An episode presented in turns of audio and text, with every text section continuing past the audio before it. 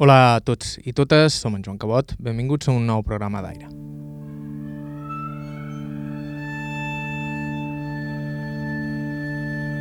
En lloc de les illes com a Menorca, el bàndol republicà es va guanyar la imatge de bojos descontrolats que, interessadament, va voler assignar-los al bàndol nacional durant la Guerra Civil. El nostre protagonista d'avui, Joan Pons Moll, va perdre dos germans, l'únic crim dels quals va ser haver estudiat al seminari. Ell també hi va estudiar, ja després de la guerra, que havia deixat son pare tan delicat de salut que va morir pocs anys després. Així i tot, les seves conviccions aflorarien per sobre del rancor i la venjança. Historiador aficionat, Pons Moll ha estat un gran estudiós del seu poble, es mitjorn, però també un home compromès políticament, que va ser diputat a la primera legislatura del Parlament Balear i va prendre part en la fundació del Partit Socialista de Menorca. La seva història és un bocí de la història política i social de l'illa, un arc narratiu que encabeix nou intenses dècades. Avui les rememoram en les seves pròpies paraules. Estau escoltant d'aire a IB3 Ràdio, vos parla Joan Cabot. Començam.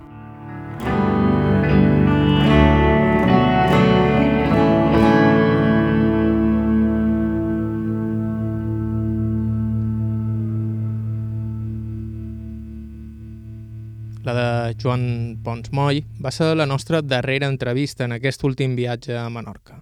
Casa seva està aferrat a l'Ajuntament i a l'Església de Santa Maria. De fet, en algun moment de la nostra conversa et senten les seves campanes de fons. Ell mateix es presenta. Jo som Joan Pons Moll, si bé figura en el registre com a Joan Jesús Pons Moll. Jo vaig néixer a Mitjorn, el 21 d'abril de l'any 1931, és a dir, fa set dies exactes que havia estat proclamada la República.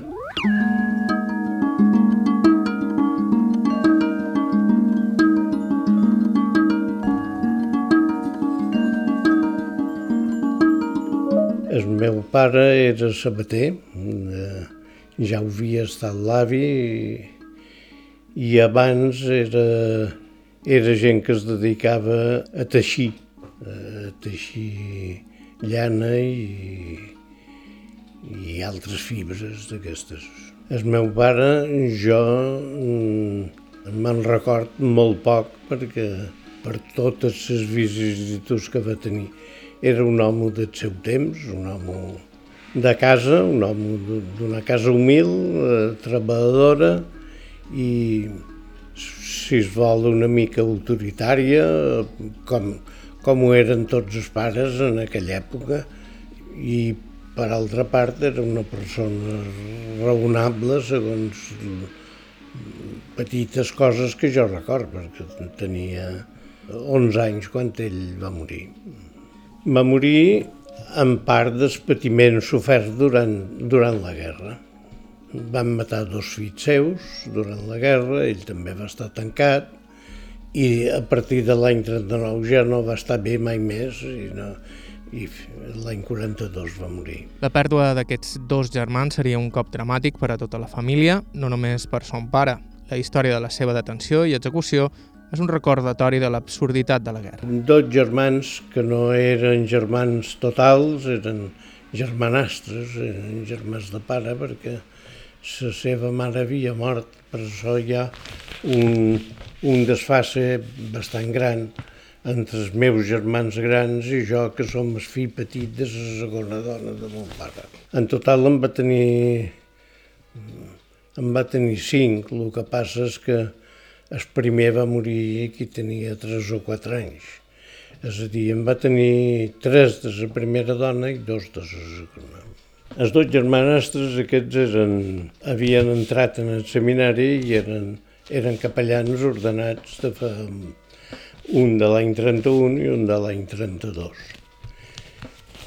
Un era vicari de Mitjorn i l'altre era prefecte d'estudis del seminari i mestre d'escola de música de, de, de la catedral. I mon pare havia estat regidor en una ocasió, de manera que no... perquè els van matar durant la guerra, eh, per odi a la religió en una part i per no sé què, perquè, clar, els meus germans eren molt joves, un tenia 27 anys i l'altre en tenia 29, havien estat en el seminari fins als 24 o 25, de manera que no, no eren coneguts, eren senzillament per una ideologia, res més.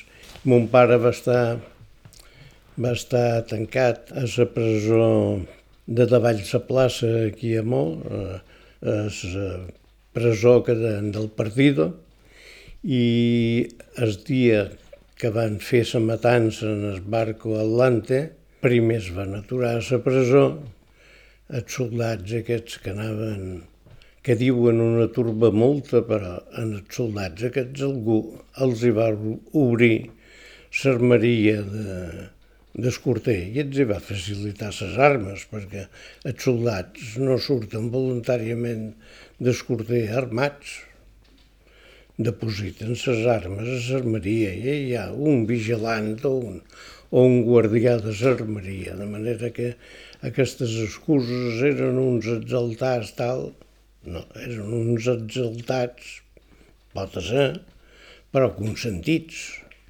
perquè algú els hi va, els hi va facilitar l'armament.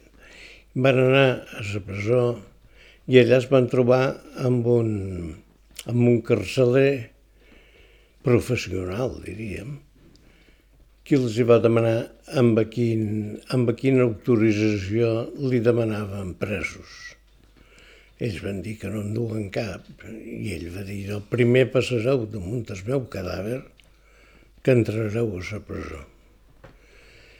I el meu pare, que, va, que jo sol ser per, per d'això, varó sentit contar el meu pare, van dir, idò, anarem en el barco i farem el que voldrem. En el barco hi havia soldats, senzillament, que eren els guardians. I un guardià responsable va salvar tots els que estaven tancats a la. De manera que en la guerra hi va haver comportaments que van ser legals, diríem, o ètics, i uns altres que van ser il·legals, enmig de tot. I la república no va defensar els seus ciutadans, que tenia reclosos. Eh, vull dir que per una part hi va haver un comportament i per l'altra hi va haver l'altre.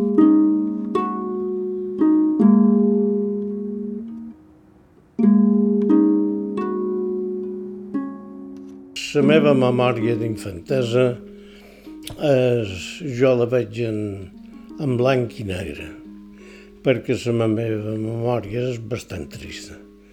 L'any 36 jo tenia 5 anys, quan se van endur els dos meus germans el dia de Santana.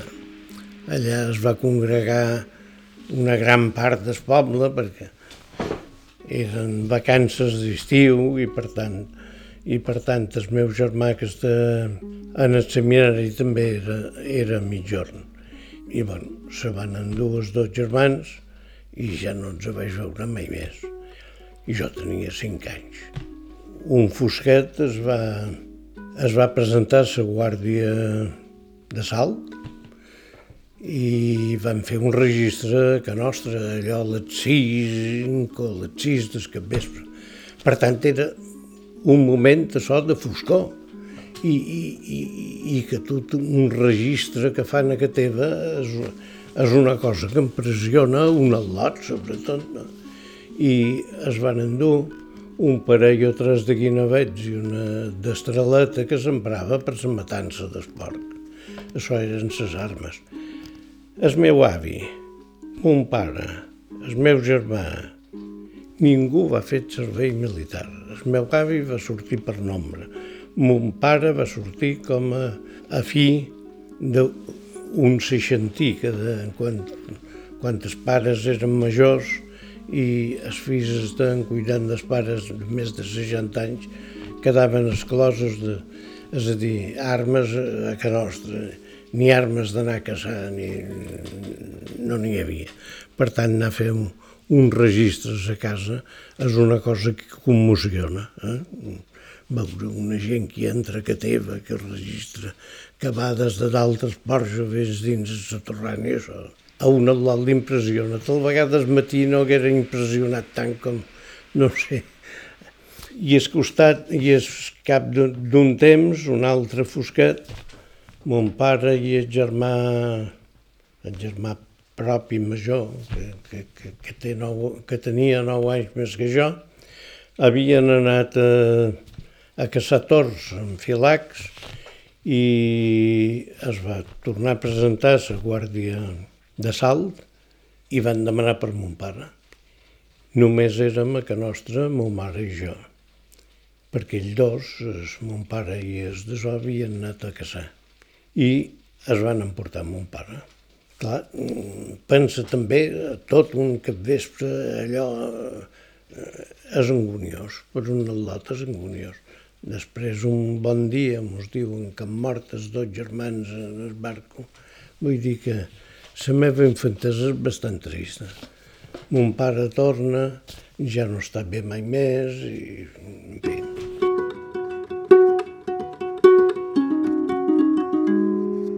La malaltia de son pare, sumada a les estretors que patia bona part de la població després de la guerra, varen abocar tota la família a una situació penosa. Bueno, una situació de, bastant, de bastanta crisi econòmica o de bastant de bastanta estretor econòmica.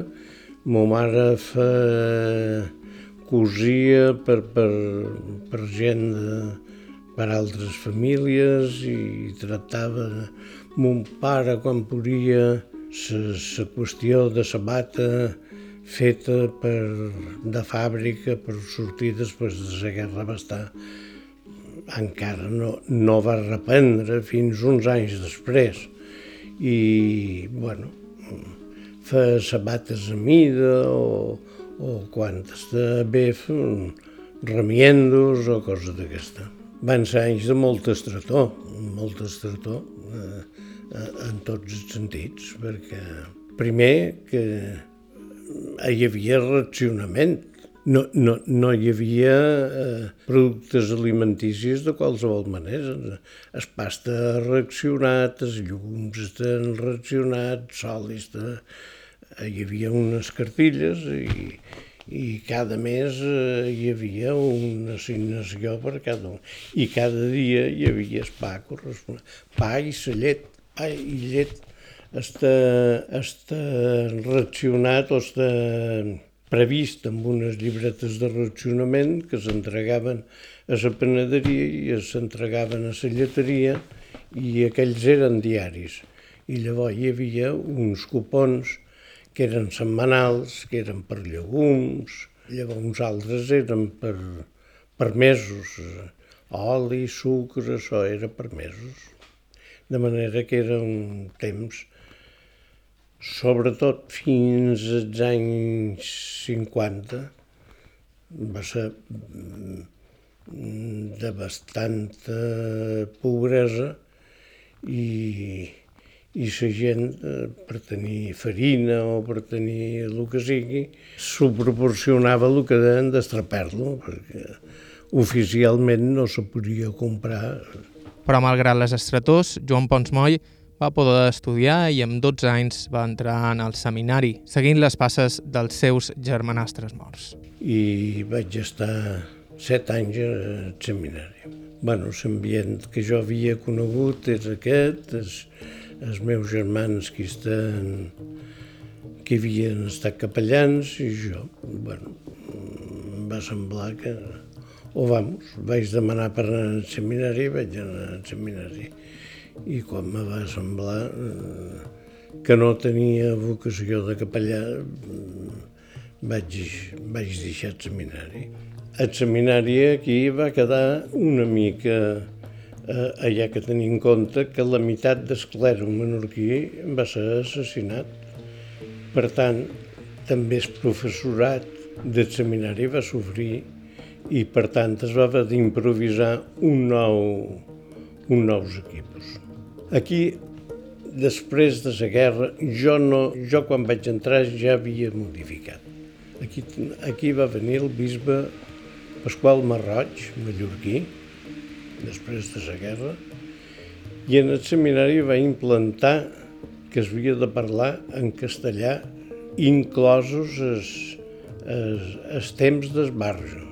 Jo, com que vaig entrar l'any 43, això era insostenible, perquè aquests al·lots en el moment de, de, de jugar o, o tal, al·lots en, en, entre 10 o 11 anys i 12 que, que podien tenir que els obligassin a, a, a ratllar en castellà, això va ser insostenible, de manera que jo quan vaig entrar l'any 43 això ja no sé. Ara tot, es, tot l'ensenyament va ser en castellà, el bisbe s'hi venia o ratllava en llatí o ratllava en castellà, no ratllava en mallorquí, a pesar de que a Mallorca tenen el bisbe Pasqual Marroig, que va ser col·laborador del bisbe Campins, el tenen com un, com un mallorquinista, però aquí es va, aquí es, es va comportar com un governador civil. En canvi, en canvi no sempre els, els professors o els, els, els, o, o, els qui cuidaven de, els qui cuidaven de, sa, de sorda dins el, dins el seminari perquè una cosa són els professors que venen i l'altra és els que cuiden de la vida diària. Jo tinc molt bon record, per exemple, de, del senyor Cisco Anglada, que era el prefecte d'estudis i secretari, i aquest un, un dia, amb una, després de sopar, amb uns passejàvem per, pels passadissos de, del corredor, passadissos de, del primer pis, i era el dia, era el primer any que jo era en el seminari, i dalt era el 7 de febrer, per tant se commemorava es, es commemorava el 8 de febrer que havia estat la rendició o la sublevació de Ciutadella. I un seminarista que devia ser que devia ser ciutadellenc, va comentar que els crits que et sentien d'una cosa que li deien la processó de les antorxes, qui anava visitant els llocs que aquell puesto havia mort tres o quatre soldats amb el cop de, de, de sublevació que feien i era una exaltació. Va dir això serà com el 9 de juliol, que commemoren la destrucció de Ciutadella per, per l'esquadra de, de Mustafa Piali de l'any 1558 i aquest, el senyor Anglada, eh, va aturar el grup i va dir la rendició de Ciutadella en els, en els turcs va ser una cosa que commemoram tots els que van morir i tal. Però el 8 de febrer és una guerra entre entre conciutadans. I aquesta guerra, com més prest s'oblidi, millor. Això, dit l'any 43, això a les escoles no es deia.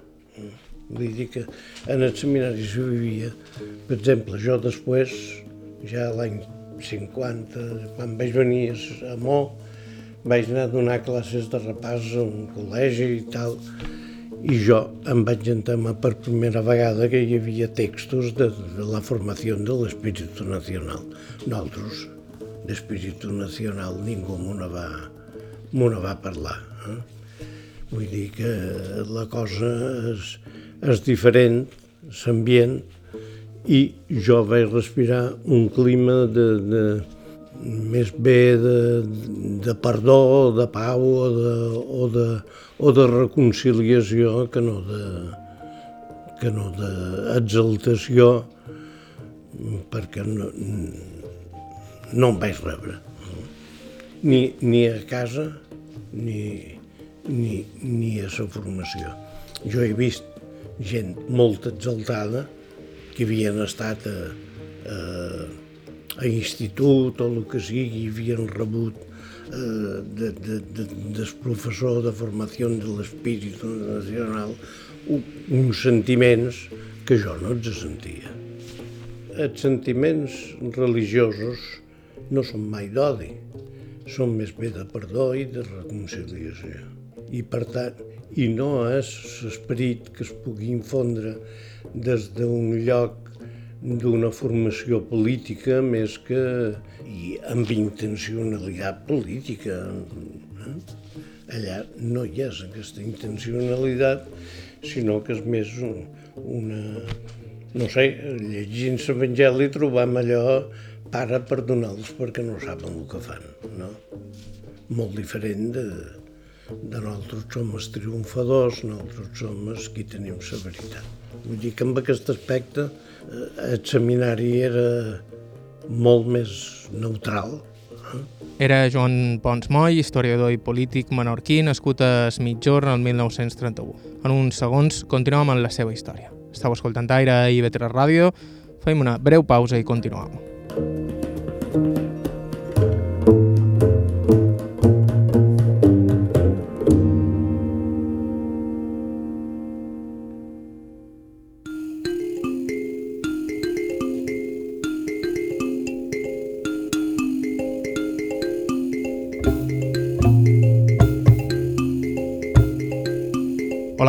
Som en Joan Cabot, això és Aire.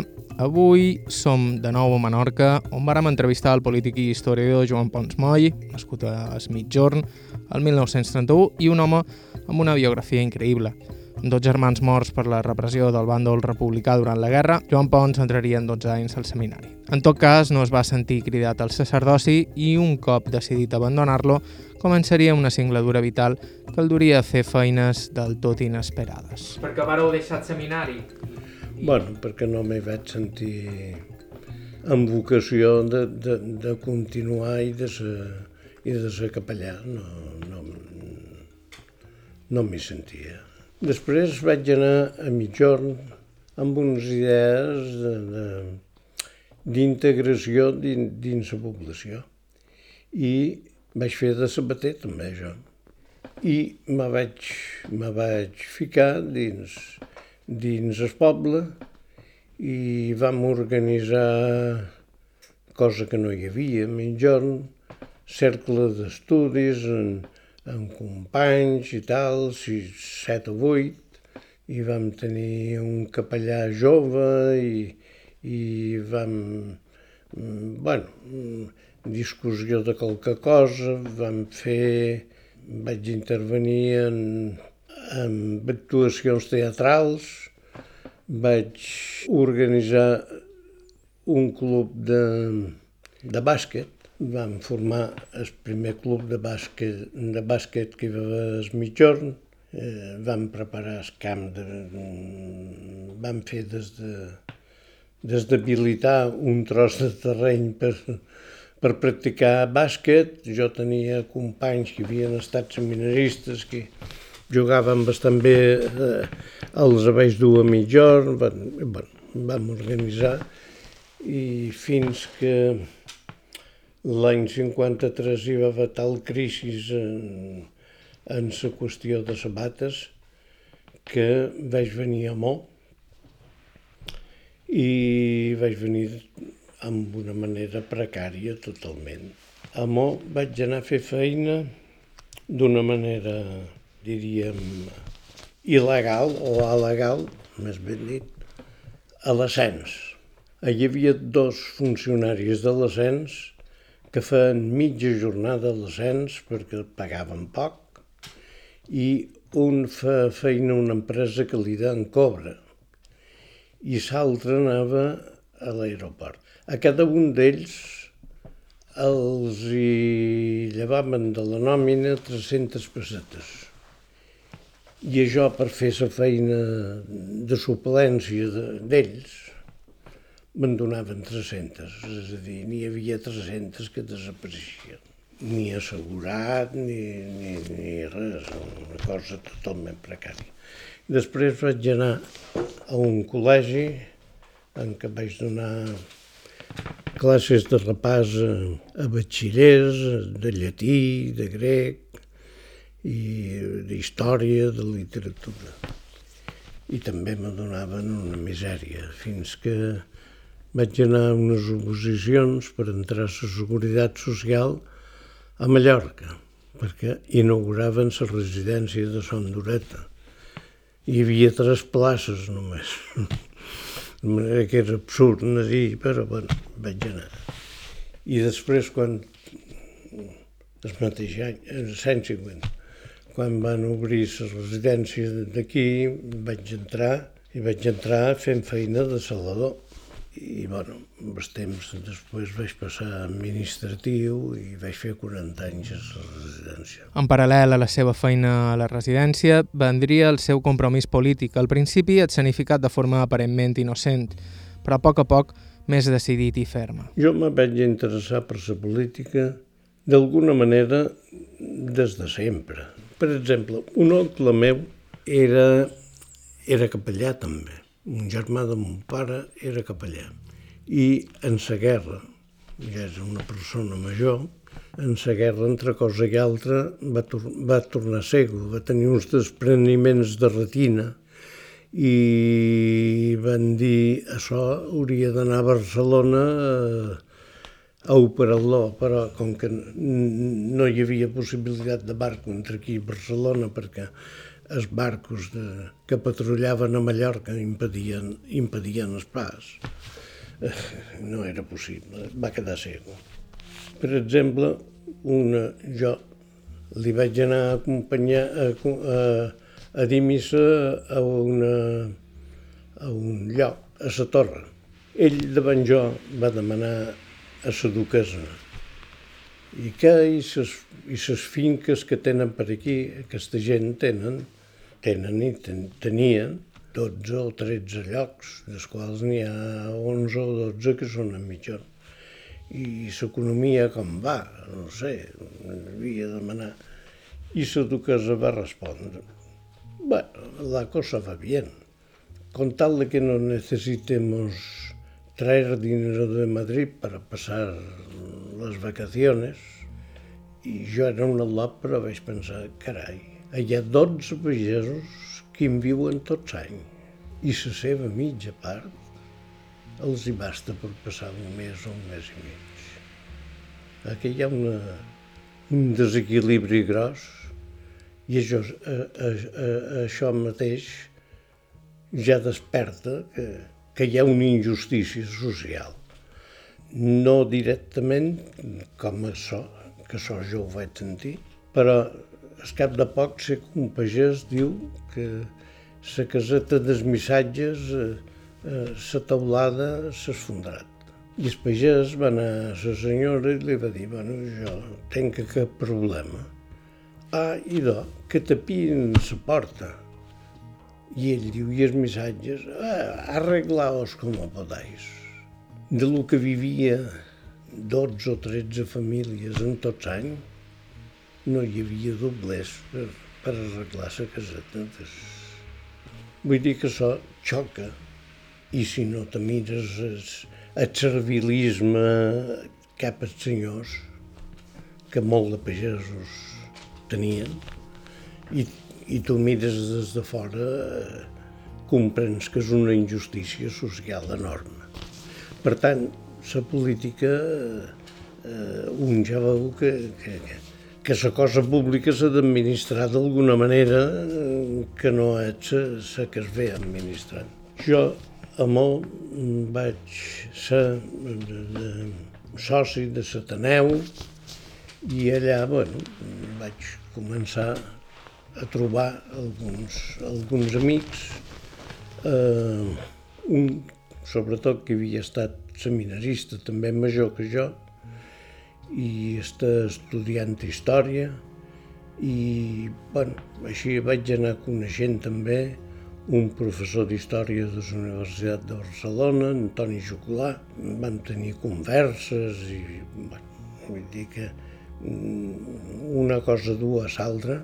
Després, eh, amb un grup d'aquests de Persetaneu vam, vam organitzar el Cineclub Ateneu, que vam pensar que era un lloc en què almenys es podria fer un fòrum i tractar de que la gent pogués intercanviar punts de vista i pensament I bueno, així vam anar fent.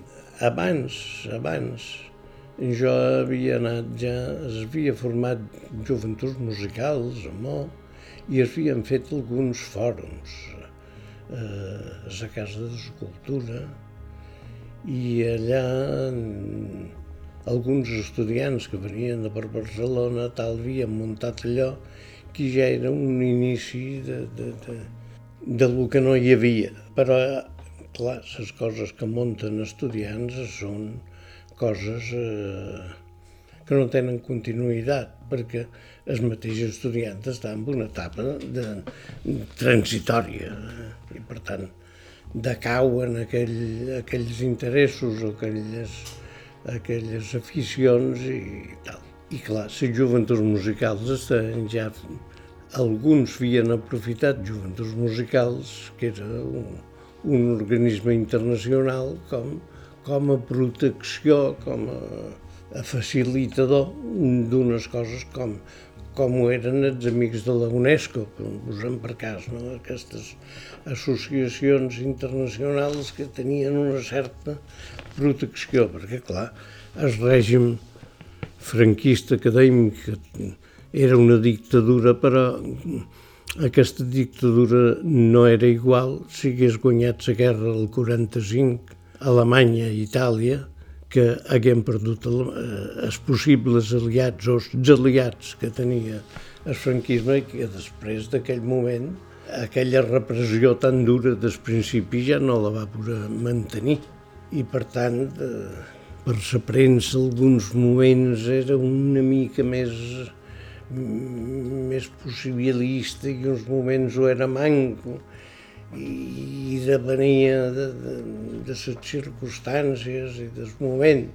I nosaltres vam formar això, el Cineclub Ateneu, vam tenir dificultats i després vam ajuntar i vam fer algunes sessions a l'O i vam anar fent una xarxa d'entitats de, culturals, tot en reunions clandestines. Eh, diríem que cercant Socioplub, eh, el cineclub que havien format aquest, aquests estudiants dins, eh, dins es, es havia acollit a Sataneu, cercant una entitat que el protegís d'alguna manera però aquells estudiants això, van acabar el seu període i el van deixar, van abandonar i, i el cineclub que es havia format a un moment determinat, diversos, eh, entre ells Antoni Vidal, el fotògraf aquest que, del castell, no sé si el coneixeu, en Joan Miquel Vidal Hernández i, i en Pere Chuecos i alguns, vam tractar de revitalitzar això induïts una mica per professor Toni Juglar. I per allò, i què hem de fer? S'ha de tractar de conscienciar, que des en aquell moment, i prendre, prendre consciència de la situació en què ens trobam, que no és la més bona ni, ni la desitjable. I així vam començar, clar. Si en el cineclub té un centenar de socis, que venen les projeccions, que amb el fòrum el, el, alguns expliquen la seva visió sobre el tema que la pel·lícula ha suggerit i el que sigui, i parlam de certes coses, arribam a parlar de certes coses que en el règim probablement no li interessa. Aquí vam tenir, val a dir, perquè era, era president del cineclub el vocal de cine de Sataneu. I en aquest moment que nosaltres vam voler revitalitzar cineclub, el vocal de Sataneu era un militar, un tal Couceiro, una persona liberal que ens va deixar fer el que vam voler. I de tant en quant hi havia hi havia mm, comentaris o tal que arribaven a la Junta de Sataneu i que ell no mos ho transmetia directament, però mos de chicos, la presentació de la pel·lícula que no sea tan larga ni tan... I del col·loqui, bueno... I nosaltres ja enteníem el que volia dir i ell no era més explícit. Eh? I amb això ell pensava que cobria, que cobria l'expedient. I nosaltres també en teníem la cosa. Ell venia sempre a les a les sessions de cine, però entrava quan ja havien fet la presentació de la pel·lícula i se n'anava immediatament acabat, de manera que ell de que hi era però no hi era. I va ser una persona sempre molt liberal en aquest aspecte, que bueno, dins els temps que corríem no anava malament. Aquesta mena d'activitats servirien de plataforma per a una militància més estructurada un cop mort el dictador, que acabaria en una carrera política curta però important, sobretot tenint en compte el moment històric. Amb això hi ha que dir que a Catalunya eh, es proclama el Congrés de Cultura Catalana. I immediatament això me va interessar perquè era una cosa dirigida en part també a la discussió i a la promoció i a, tal, a la població. No una cosa feta per intel·lectuals, sinó que intentava i mos vam, vam aconseguir. La primera edició va ser del Cine Club, en el Congrés de Cultura, i després van aconseguir que el mateix Ateneu s'adherís en el Congrés.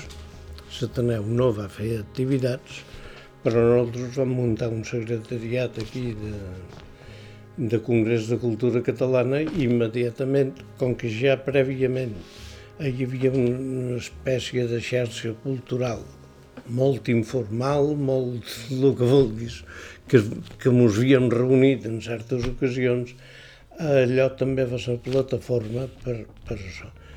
Els 20 o 22 àmbits de discussió de món laboral, de món polític, d'institucions, de cultura, de, de, de, de literatura, de llengua, etc., d'agricultura, d'indústria, de comerç, que hi havia, es van formar grups d'estudi de que, clar, que era gent molt a nivell, molt...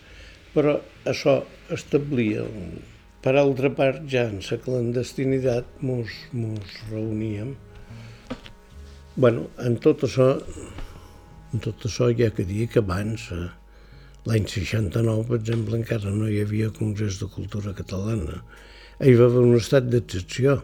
En l'estat d'excepció, què passa? En l'estat d'excepció s'estan, de l'any 69, s'estan fent una sèrie de registres a cases d'antics republicans, o d'antics eh, persones escarranes que, que no tal. Les quals, per por, no diuen que hagin anat a casa seva. Jo anava a un, en el bar de Catissa, a Berenar, i el conserge, ahir van anar a Can Fulano de tal. No ho diguis. Això va durar, no sé, una setmana o dues. La gent, per tant, estat d'excepció ni, ni ho sabia que existís. Però a la següent passa va ser que el dia 2 de febrer de l'any 69, quan jo me retirava de fer feina, vaig trobar aquí la policia, que em va emprenyar molt perquè jo el migdia, quan arribava a dinar, em vaig trobar que venien a fer un registre. I, és a dir, això vol dir que, que la policia mos tenia més que controlats. I jo em vaig enfadar molt i coneixia un dels dos policies. I els vaig dir, Vostès venen a fer un registre, com l'any 36 ja van venir a fer a casa. I això ens va desconcertar una mica. Però bueno, van fer un registre i tal. allò de que vinguin a Cativa a, a obrir eh, la massita de la tauleta de nit i vengui te mirin llibres i t'obren claixos. Aquesta invasió dins la teva intimitat em vaig saltar molt. El fill major, ja dic, complia anys aquell dia i, i vaig dir a la meva dona, nosaltres no hem de callar i jo vaig sortir d'aquí, després que anava a fer feina els capvespres en una fàbrica, de comptabilitat en una fàbrica, i el primer que, que, que jo coneixia, que vaig trobar en el carrer, li vaig dir, acaba de venir el policia fulano de tal i el policia fulano de tal i m'han fet uns registres. Què dius? I a la dona li vaig dir, tu a la botiga dius, ahir va venir fulano i mangano, tal. És a dir, tot el contrari del silenci, que el silenci és còmplice. A continuació van anar a un, un amic meu, en Joan Mercadal, que tenia un tarannà diferent del meu. Havia estat seminarista i un oncle seu el havia mort en la guerra i son pare també havia estat tancat i van allà a continuació d'aquí. Aquell ja era que seva, perquè, clar, Vull dir, aquell ja havia dinat. I quan se li presenten, passin, passin vostès, nosaltres ja hi estem acostumats a que mos facin, a que mos facin registres, ja van venir l'any 36 i tal. I aquell, això mos acaben de dir, i, i aquell va dir, vosaltres veniu de Campersmoll. Vull dir que aquell tenia un tarannà més, més així i, i va ser com un que amb una enfotenda enorme, cosa que jo no vaig fer. Jo, a, a jo em va eh, exaltar. I allò se va molestar molt en les policies, perquè que diguessin a mo en fulano i en mangano fan registres a cases i han vingut Aquí van venir, per exemple, dues persones com a testimonis, un ferrer de Serraval, un cambrer d'una bodega d'aquí, que jo no els coneixia, bueno, de vista tal vegada. Aquelles dues persones, en sol de mamba, em van venir a demanar perdó Heu vingut obligats, us trobàveu al carrer i aquells, us... jo ja ho sé. Aquestes dues persones, en endavant, quan me trobaven pel carrer no sabien que no havien. Vull dir que el règim tenia les seves compensacions. Eh? Aquests registres van tenir eh, eh, aquesta actitud que en Joan Mercadal també la va, la va en Sol de Mà va arribar al seu lloc de treball i va dir l'estat d'excepció existeix i passa això i passa allò. Vull dir que en, eh, en lloc de silenciar el que era l'estat d'excepció, posar-lo en relleu, no? i tractar de que més gent veiés s'estava fent. Això no deixava de ser politització. Era una actitud mm, propositiva en aquest aspecte. I de tal manera ens va molestar que van acabar van anar al delegat del govern, el delegat del govern va tenir els seus problemes i van demanar al govern que, que s'aturassin els registres perquè en lloc de ser amadentadors de la població resultava que l'exaltaven. No? bueno, vull dir que així vam anar fent i la cosa es va anar polititzant a mesura que, sobretot, que, per exemple, eh, aquí vam saber tot això de Catalunya, de l'assemblea de forces polítiques que es, que es movia per Catalunya. I aquí també, d'alguna manera, van començar a parlar política, ja no tant d'una manera tan abstracta de que la democràcia és tal, sinó que que, que, que es havia de fer alguna cosa. No? I aquí van començar, eh, i sobretot el Partit Comunista, perquè del PSOE no en parlava ningú. I de gent de, de, de tradició comunista o de, o d'idees d'aquest de so que tenien relació amb el suc o el que sigui, sí que hi va començar i van començar tota una sèrie de reunions clandestines i, i tal.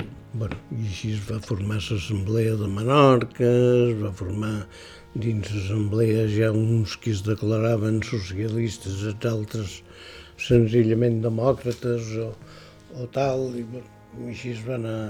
I, i nosaltres, el grup meu, que havíem tingut molta relació, o una certa relació amb Antoni Juglar, Antoni Juglar era un federalista que havia estudiat en, en Pi Margall, tenia les idees socialistes i federalistes com a, a forma d'estat, i bueno, teníem aquell. I vam formar el moviment federalista, nosaltres, dins l'assemblea. I uns altres havíem format el moviment socialista. Quan les idees més o manco coincidien en les eleccions del 77, van formar un, una única candidatura, moviment socialista i moviment federalista, i després els dos moviments es van fusionar formant el Partit Socialista de Menorca. En les primeres eleccions de, de la preautonomia van presentar candidatura i van treure dos, dos parlamentaris, en Andreu Murillo i en en Xac Coll, que després va dimitir i eh, va ser substituït per la Maria Joan. A son la preautonomia, llavors va venir la redacció de l'Estatut, l'aprovació de l'Estatut i en el primer Parlament que es va elegir, mm, jo vaig formar part, vaig sortir parlamentari. Com a conseqüència del parlamentari el primer Consell de Menorca també jo vaig, però vaig dimitir cap de 3 o 4 mesos perquè era impossible, jo volia mantenir la feina la feina a la residència sanitària. Vull dir que això ara avui en dia ho veiem professionalitzat i són uns... Però nosaltres era a base de, de voluntarisme i, i no era. Aquell estiu me'l vaig passar eh, anant de, de Menorca a Mallorca, reglament, redacció del reglament de, de, del Parlament i de més, i reunió aquí, avions que no hi havia aquí. Els avions no tenien refrigeració en aquell temps i és mes de juliol. Va ser terrible aquell estiu. Ni vacances, ni, ni, ni res. Bueno, vacances de, de, de residència em vaig tenir, però vull dir que el vaig passar. I vaig acabar per dimitir i, i des de... Bueno, també era regidor de l'Ajuntament de Mó. No, no era possible combinar tantes coses. Massa coses, sobretot si tens en compte que Joan Pons Moll sempre ha sentit un gran interès per la història. De fet, des de que es va jubilar, s'ha dedicat a estudiar diversos temes, la majoria relacionats amb el seu propi poble, i ha publicat diversos llibres. He estat... Eh, història m'ha agradat sempre, jo en el seminari ja, ja me va agradar molt la història, i i des de que estic jubilat m'he dedicat més bé a la història. He passat com a hobby més bé per la història que no altra cosa. Hist història, jo historiador no, no sempre m'havia tingut eh, de sort del meu poble. El meu poble, Mitjorn és un poble, diríem, diferent dels altres, bueno, diferent dels altres, eh, que ten un origen eh, ben espontani, ve de la població, perquè els altres pobles alguns són fundats institucionalment pel rei, dels antics no en parlam, Mo i Ciutadella existeixen, no sabem des de quan, i, però no sé, eh, amb esperiatge es forma Mercadal, es forma l'Os, es forma Ferreries,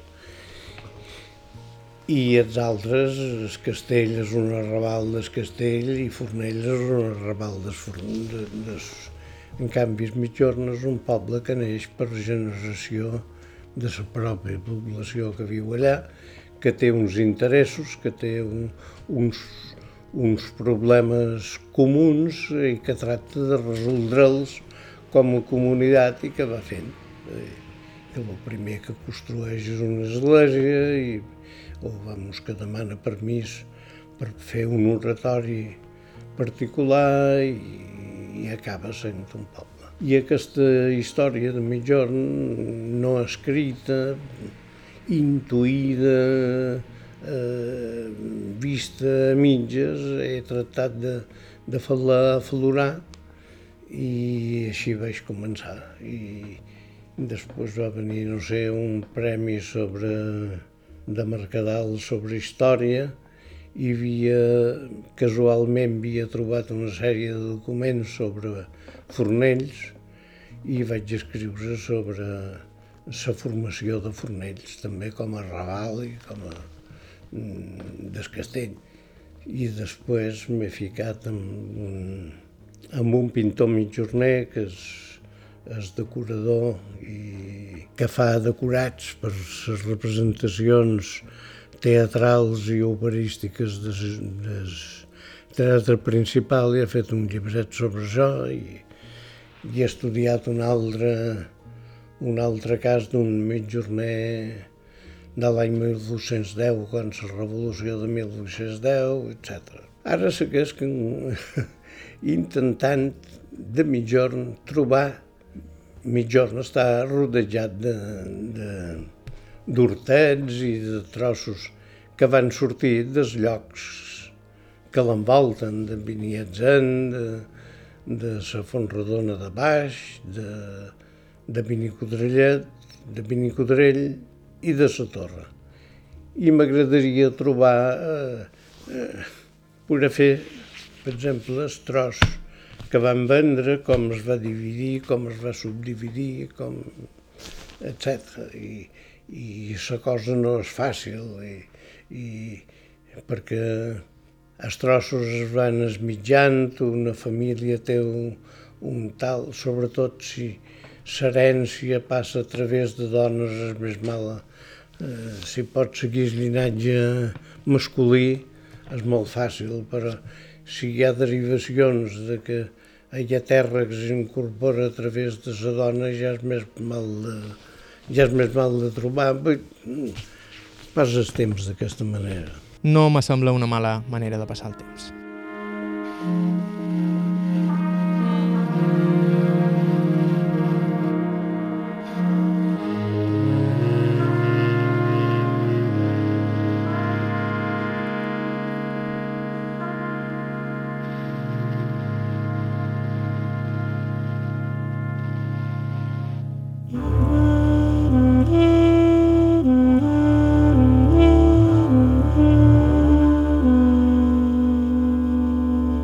Fins aquí el programa d'avui. Moltíssimes gràcies a Joan Pons Moll i a la seva dona pel seu temps i la seva amabilitat. Ja sabeu que si ens voleu proposar alguna entrevista ens podeu escriure a aire.ivetresradio.com i que vos podeu subscriure al podcast d'Aire qualsevol dels agregadors disponibles. A ivetres.org barra carta i trobareu tot l'arxiu del programa. La música que ha sonat avui ha estat, com sempre, de Joshua Abrams, Marissa Anderson i Charles Rumbach. Bàrbara Ferrer, la producció executiva, us ha parlat Joan Cabot, Gràcies per ser a l'altre costat i fins la setmana que ve.